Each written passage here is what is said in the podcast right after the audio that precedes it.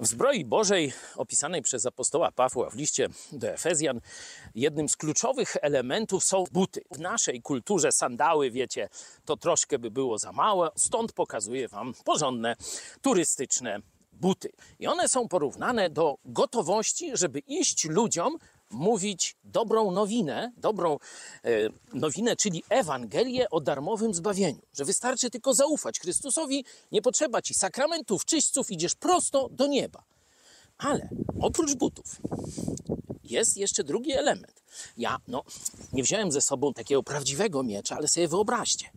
Buty, żeby się poruszać, ale miecz, żeby uderzać prawdą Słowa Bożego. Te dwa elementy są kluczowe w skutecznej ewangelizacji. Gotowość i umiejętność powiedzenia tego, co trzeba, tego, co Jezus nam objawił.